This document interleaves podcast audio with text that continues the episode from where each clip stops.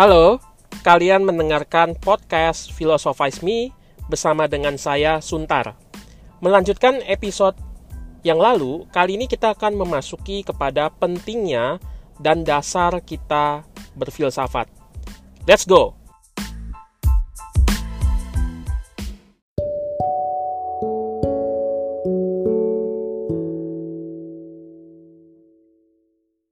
Manusia adalah makhluk yang unik karena bisa kagum dan bertanya. Aristoteles di dalam bukunya Metaphysics, dia mengatakan melalui kekaguman, by wonder, maka manusia mulai berfilsafat. Ini adalah hasrat alamiah manusia dari sejak kecil. Seorang bayi, itu aktivitasnya ya, selain asupan makanan, buang air, lalu tidur, ada aktivitas lain nih yang penting, yaitu apa? Memegang-megang barang dan memasukkannya ke mulut. Ini fase dia lagi belajar memahami. Dia ingin paham, ingin merasakan sesuatu di luar dirinya. Tapi aneh ya, ada yang lihat bayi kayak begitu ya langsung dilarang. Nah, banyak ahli pendidikan mengatakan jangan dilarang. Kenapa? Karena itu adalah proses belajar yang penting ganti benda tersebut dengan benda lain yang aman dan steril. Bayi kagum dengan sekitarnya. Dia ingin tahu apa yang ada di sekelilingnya. Anak kecil ya, umur 2 tahun, itu suka main barang yang sama, terus berulang-ulang main gitu ya, dan terus kagum. Saya aja yang lihat itu sampai bosen gitu ya, tapi anak itu enggak. Apalagi kalau ada hal yang baru nih ya, maka dia akan langsung terpana dengan wajah imutnya melihat hal baru tersebut maka rasa ingin tahu adalah hal yang esensial. Kita ini ya, makhluk kepo, kita kepo terus gitu ya. Gak heran ya kita suka ngomongin orang. Eh, eh, eh, tahu gak sih? Apa-apa-apa? Ternyata dia sudah jadian. Wah, serius lo? Iya, ini gue dapat dari sumber terpercaya. Intelijen gitu. Wah, masih hangat nih dong infonya. Nah, ini cuplikan pembicaraan yang mungkin terjadi saat kita di sekolah atau di tempat kerja ya kan? Kita berapi-api untuk kepoin teman-teman kita gitu ya. Mungkin kalau bilang kepo kayaknya agak ada kesan negatif gitu ya. Saya pakai istilah kuriositas. Kuriositas ini adalah hasrat alamiah dari manusia. Nah ada adegan scene yang menarik ya yang unik dalam episode film Naruto yaitu misteri wajah Kakashi Kakashi itu guru Naruto, guru Sasuke ya dan juga Sakura gitu ya. Nah, dalam cerita Naruto dari awal sampai akhir itu biasanya Kakashi itu selalu menutup mukanya sebelah begitu ya. Jadi cuma kelihatan satu mata begitu ya. Nah, itu kalau kita perhatikan ya, itu membuat kita kurios gitu ya. Itu ditutup isinya apa? Nah, ini menarik sekali sampai dibuat satu episode khusus tentang itu. Kenapa menarik? Kita jadi pengen tahu gitu ya wajahnya Kakashi kayak apa gitu ya. Saya aja pengen tahu gitu ya, tertarik begitu. Kuriositas itu yang menjadi bahan bakar bagi perkembangan ilmu pengetahuan. Kita ingin tahu tentang kejelasan. Kita ingin tahu supaya dapat kepuasan. Dan inilah dasar berfilsafat. Dasar berfilsafat adalah kuriositas. Lalu dalam filsafat, ya dalam berfilsafat ada aktivitas yang pada dirinya yang penting yang bagi kita dan kehidupan manusia yaitu apa? Berpikir kritis. Nah ini adalah toolsnya gitu ya. Jadi saat kita berfilsafat kita menggunakan nalar kita menggunakan akal budi berpikir kritis. Jangan kita berpikir ya bahwa berpikir kritis itu adalah daya analisa yang baik baru bisa dilakukan oleh orang dewasa. Enggak dari kecil, anak-anak juga sudah bisa melakukannya. Saya pernah isengin ya, anak kelas 1 SD, suatu ketika dia lagi lihat ikan di dalam akuarium di sekolah. Lalu saya iseng ya deketin anak itu. Saya bilang, eh ikan itu tidur gak sih? Pernah lihat gak? Gitu ya. Anaknya bilang, gak tahu gitu ya. Lalu saya kasih tahu jawabannya. Ikan itu tidur, tapi matanya tetap terbuka, gak nutup itu. Terus kayaknya anaknya agak sebel gitu ya. Lalu dia mau kasih pembalasan. Saya juga mau saya juga mau kasih pertanyaan ke Bapak. Silahkan saya bilang. Kenapa ulat itu selalu telat ke sekolah gitu ya saya pikir wah ini namanya anak-anak gitu ya pertanyaannya kok kayak begitu gitu ya sudahlah namanya juga anak kecil gitu ya saya bilang nggak tahu terus dia bilang gini ya masa nggak tahu karena lama pakai sepatunya kan kakinya banyak gitu ya lalu dalam hati saya pikir wih ini anak sudah bisa mengkaitkan antara lamanya waktu dengan jumlah aktivitas. Jadi daya analisa ini sudah ada dari kecil. Jangan hina anak-anak. Critical thinking berpikir kritis ya adalah sikap yang dituntut untuk tantangan abad 21 ini. Banyak seminar-seminar yang ada sekarang ini mengenai tantangan abad 21 mengatakan berulang-ulang bahwa cara kerja, cara belajar harus ada perubahan. Belajar bukan lagi hanya download informasi sebanyak-banyak ke dalam otak kita. Saya ingat SD, waktu saya SD, pernah diminta untuk menghafal nama ketua RT, nama lurah di berbagai tempat. Memang celaka gitu ya. Nah sekarang nggak tahu itu gunanya buat apa. Itu pun juga udah lupa gitu ya. Ya kalau kayak nama presiden, beberapa menteri, ini oke okay lah gitu ya. Apalagi kayak lagu Indonesia Raya, Pancasila, ini tentu wajib. Tapi kan kita nggak mungkin mengingat semua informasi seluruh dunia yang ada sekarang ini dan yang pernah ada. Bagaimana caranya gitu ya. Ya kita harus pilah-pilah mana yang penting, mana yang tidak. Apalagi di zaman informasi sekarang ini dan teknologi yang sudah maju, bukan kita yang mencari informasi, tapi kita dibanjiri oleh informasi. Informasi yang mendatangi kita. Dulu kita setengah mati cari informasi ya, waktu di zamannya saya atau sebelum-sebelumnya. Beli buku gitu ya, carinya setengah mati gitu ya, udah gitu jarang ketemu gitu ya. Sekarang udah ada e-book, udah ada bisa download, buka-buka website gitu ya. Nah, ini waktu saya sekolah dulu ya, itu guru itu kayak punya catatan satu buku tebal ya catatan sakti gitu ya dibacain dan kita catat jadi sumbernya hanya betul dari itu aja nah ini kayak orang belajar kungfu suatu ketika ada murid gitu ya bukan murid ya seseorang pemuda datang kepada seorang guru kungfu terkenal lalu tiba-tiba dia mengatakan guru ajarkan saya gitu ya sambil berlutut lalu gak diterima Lalu di depan pintu pemuda tersebut diam, tidak makan, tidak minum. Lalu ada salju sampai ganti musim, terik matahari, hari demi hari berganti. Ini agak lebay ya. Lalu sampai suatu saat dia pingsan. Lalu ternyata dia dibawa masuk sama gurunya, ya sang guru tersebut. Lalu gurunya terharu dengan kesungguhan pemuda itu. Lalu jadilah dia murid si guru tersebut. Kenapa pemuda ini serius amat sih mau berguru? Karena ilmu daripada sang guru itu sangat jarang, tersembunyi. Gak semua orang bisa. Itu gak dijual di pasar kali gitu ya. Hanya kalangan terbatas. Nah, sekarang ini beda. Kalau kita mau tahu sesuatu, tinggal googling. Searching engine ya, search engine itu bahkan sekarang ada banyak. Dari gosip terpanas atau gosip terdingin, jurnal ilmiah, bahkan cerita konspirasi gitu ya, kayak bumi datar, bumi bulat, bumi bumian gitu ya, itu bisa di-download dengan mudah. Nah, informasi yang telah membanjiri kita ini dalam kehidupan ini, saya pakai satu istilah namanya adalah tsunami informasi. Tsunami informasi ini juga membawa berita yang salah. Campuran info yang faktual dan kebohongan membombardir keberadaan kita. Jadi kita perlu kritis membedakan mana yang benar, dengan mana yang hoax.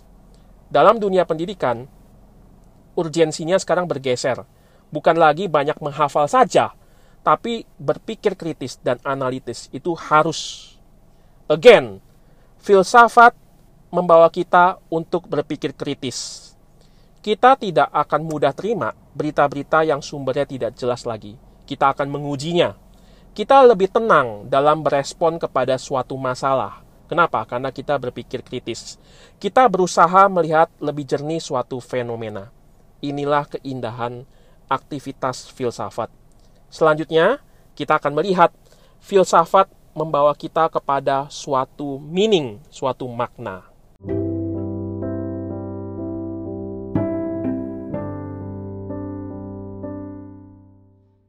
Viktor Frankl dalam bukunya Man's Search of Meaning kita akan mendapatkan manusia itu bisa bertahan karena ada makna. Ini semacam sense bahwa ada sesuatu yang bernilai atau berharga ada nilai, ada tujuan. Nah, Victor memberikan kesaksian ya bahwa saat itu dia masuk ke dalam kamp konsentrasi. Dia adalah seorang Yahudi ya di zaman Hitler maka dia ditangkap. Lalu setelah pasukan sekutu menang perang ya, lalu para tahanan dibebaskan. Ternyata setelah bebas itu tidak menjamin orang-orang dapat bertahan hidup. Lalu Victor menganalisis bahwa yang bertahan ya, yang bisa bertahan hidup setelah lepas daripada teror Nazi itu adalah orang yang masih memiliki tujuan. Mereka masih percaya akan adanya makna. Ada yang percaya keluarganya masih hidup di luar sana misalnya. Ada yang percaya bahwa anak atau cucunya masih selamat. Inilah yang mendorong beberapa orang terus bertahan menjalani hidup. Nah, kaum eksistensialis khususnya abad 19, abad 20, gerakan ini hadir khususnya karena pergulatan akan makna hidup. Manusia itu ada tujuan hidup atau enggak sih? Apakah makna hidup itu hanya kita yang buat, hanya buatan manusia? Sebenarnya kita nggak ada maknanya. Atau jangan-jangan ini mungkin mungkin ya, mungkin buatan masyarakat, buatan kaum moralis misalnya, atau buatan para agamawan. Apakah betul demikian? Ataukah makna ini bukan buatan, tapi ditemukan karena memang sudah ada di sana? Nah, pertanyaan ini ya muncul karena manusia mengalami desakan dehumanisasi, khususnya era modernitas ini. Teman-teman kalau menonton film Modern Times ya, tahun 1936 itu film yang sangat bagus sekali. Charlie Chaplin gitu ya, seorang silent komedian yang terkenal itu yang jadi pemainnya. Saya lupa kalau nggak salah film ini adalah film silent terakhirnya. Karena kalau nggak salah tahun 1940 ya, itu ada satu film lagi dari dia ya, itu Great Dictator gitu ya. Nah itu udah ada suaranya. Nah film Great Dictator ini adalah sindiran terhadap Hitler, Mussolini, dan kawan-kawannya. Dan menariknya, saat film ini dirilis ya, Amerika saat itu belum musuhan dengan Nazi gitu ya. Tapi dia sudah mengeluarkan sindiran-sindiran atas dasar kemanusiaan. Nah, kembali kepada film Modern Times ya, tahun 1936 ya. Nah, dalam film ini dia bergumul untuk bagaimana bertahan hidup di dalam era modern, era industrialisasi saat itu. Yang juga saat itu konteksnya adalah Great Depression gitu ya. Nah, gambaran industrialisasi ini ya, ini membuat manusia itu hidup menjadi meaningless. Rutinitas yang mekanis, dan spesialisasi yang sempit membuat manusia menjadi tidak bermakna. Bayangkan ya, misalnya kamu di suatu tempat ya, kerjanya hanya satu tas misalnya. Memasang baut.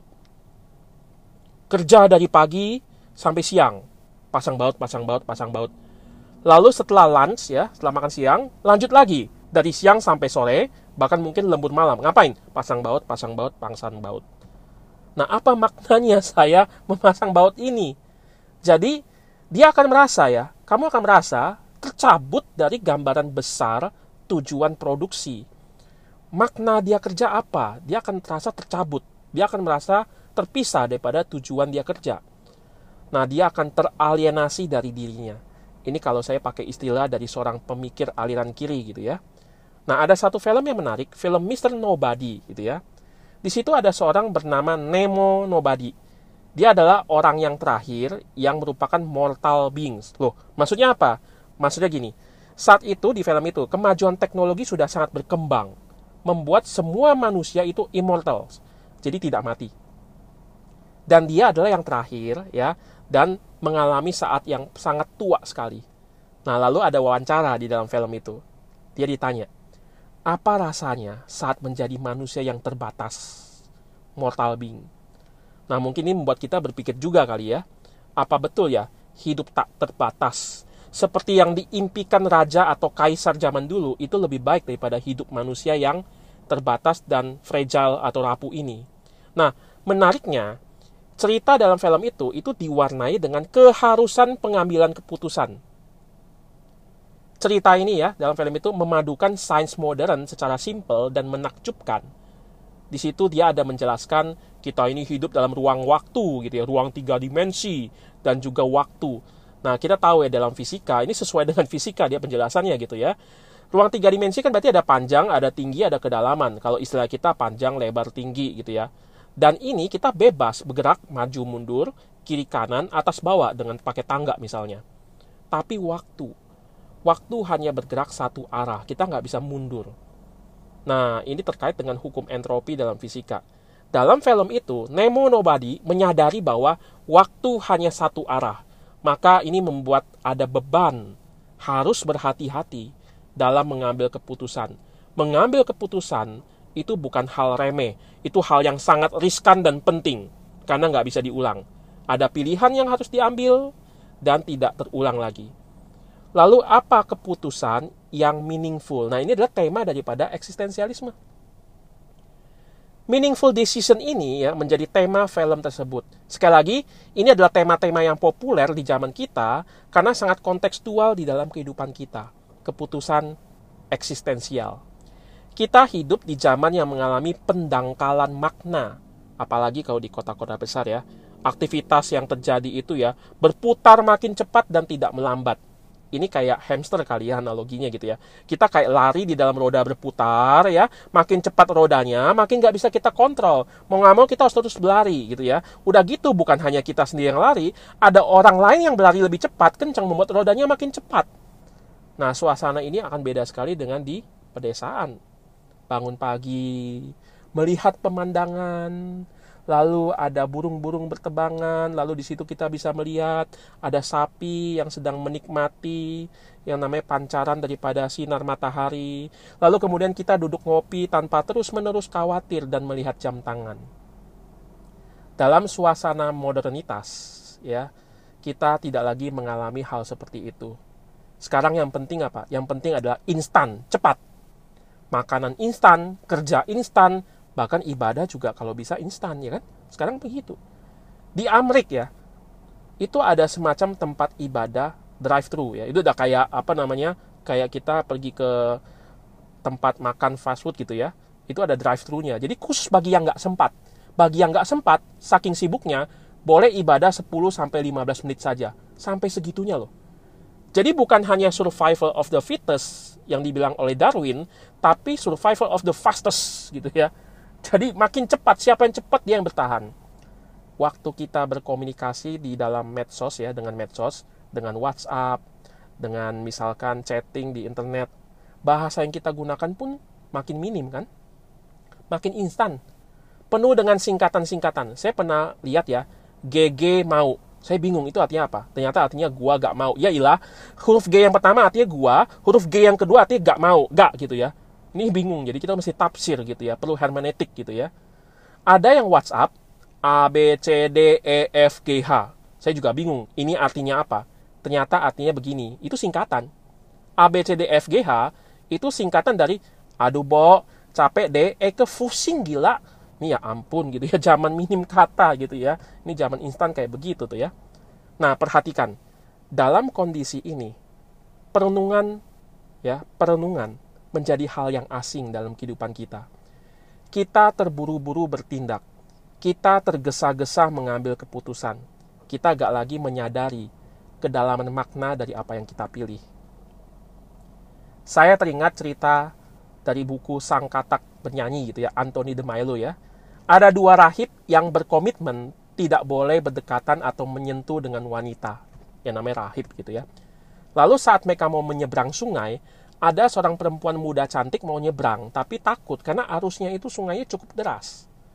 Nah, lalu rahib yang pertama menawarkan bantuan. Yuk, mari saya bantu gitu ya. Tapi akhirnya bantuannya hanya bisa dengan cara digendong gitu ya. Lalu kemudian rahib pertama itu menggendong gadis tersebut sambil menyeberang sungai melawan yang namanya arus sungai tersebut. Setelah tiba di seberang ya, lalu gadis itu turun ya. Lalu kemudian gadis itu berterima kasih lalu kedua rahib berpisah dengan gadis tersebut. Lalu melanjutkan perjalanan dan sudah cukup lama ya. Nah dalam perjalanan rahib yang kedua itu terus nyalain rahib yang pertama ya. Yang pertama itu selalu disalahkan. Kenapa? Karena telah menggendong gadis tersebut. Dia bilang eh kita ini kan rahib. Mana boleh sih sentuh wanita? Lu gak inget sumpah kita gitu ya Rahib macam apa lu gitu ya. Gak malu kamu. Lalu rahib yang kedua ini ya, terus menggerutu gitu ya selama perjalanan dalam waktu yang sangat lama. Lalu tiba-tiba rahib yang pertama berhenti. Lalu dia berkata pada rahib kedua, "Saya sudah tidak membawa gadis itu semenjak kita menyeberang sungai. Saya sekarang tanya sama kamu, kenapa kamu masih terus membawa gadis tersebut sampai sekarang?" Di hatimu terus membawa gadis itu. Hati kamu terus membawa gadis itu. Dan tidak ada kerelaan untuk melepasnya. Pertanyaan saya juga mungkin ke teman-teman gitu ya. Siapa sih yang membawa gadis itu? Kelihatannya Raib yang pertama ya, yang bawa gadis itu ya. Memang betul sih. Tapi kan itu sudah dilepas. Waktu sudah sedang sungai. Tapi rahib yang kedua, itu nggak pernah melepaskan gadis tersebut. Terikat di dalam hatinya. Mungkin kita mikir gitu ya, oh kalau gitu rasa kesal itu apa ya? Kenapa ada rasa dendam? Ya karena kita nggak mau lepas kan? Itu jadi beban terus dalam hati kita. Nah teman-teman, apa yang teman-teman cari dalam hidup? Buat apa kita kerja? Buat apa kita rela habiskan banyak waktu untuk mengerjakan sesuatu yang kita tekuni? Seringkali kita kurang memahami makna ya atau arti dari suatu aktivitas, tujuan, keputusan yang kita ambil misalnya kita hanya menjalani mekanis saja gitu ya. Karena memang dunia ini kelihatannya seperti ini cara kerjanya. Nah, filsafat berusaha menerobos rutinitas untuk mencari kedalaman makna. Makna yang sudah terkikis oleh kesempitan pandangan kita, yang tergerus karena dangkalnya pemikiran kita. Makna yang sebenarnya mungkin tidak hilang, tapi mata kita yang buta oleh pesona ideologi, kebiasaan, bahkan kenyamanan diri kita yang tidak mau berubah. Nah, filsafat itu seperti kacamata ya, dengan lensa positif yang pas untuk kita para penderita rabun dekat. Jadi makna itu mungkin ada di dekat kita, tapi kita nggak bisa lihat dengan jelas. Filsafat membantu kita untuk melihat lebih jelas. Saya akan simpulkan pembahasan ini melalui ringkasan kalimat dari saya. Tentu saja definisi yang saya berikan ini terbatas ya. Namanya juga definisi, pasti harus ada batasan. Batasan ini pasti tidak mencakup arti berfilsafat yang terlalu besar. Tapi biarlah batasan ini boleh membantu kita untuk meringkas apa yang sudah kita lakukan bersama-sama. Nah, saya memberikan kesimpulan ya, batasan ya atau definisi ya, bukan definisi ya, lebih tepat semacam ringkasan gitu ya. Filsafat didorong dan dimotivasi dengan bahan bakar kuriositas. Lalu filsafat bergerak dengan nalar yang kritis menuju kehidupan yang bermakna. Sekali lagi, filsafat bergerak dengan motivasi rasa ingin tahu, lalu terus bergerak dengan nalar ya dengan akal budi, berpikir kritis sampai menuju kepada kehidupan yang bermakna. Kuriositas, nalar yang kritis, dan hidup yang bermakna. Inilah gambaran sederhana tentang filsafat yang saya bisa berikan. Semoga ini makin membuka mata kita bersama apa pentingnya berfilsafat. Oke? Sampai di sini episode selanjutnya kita akan membahas apa itu filsafat dan cakupan ilmu filsafat. Dah.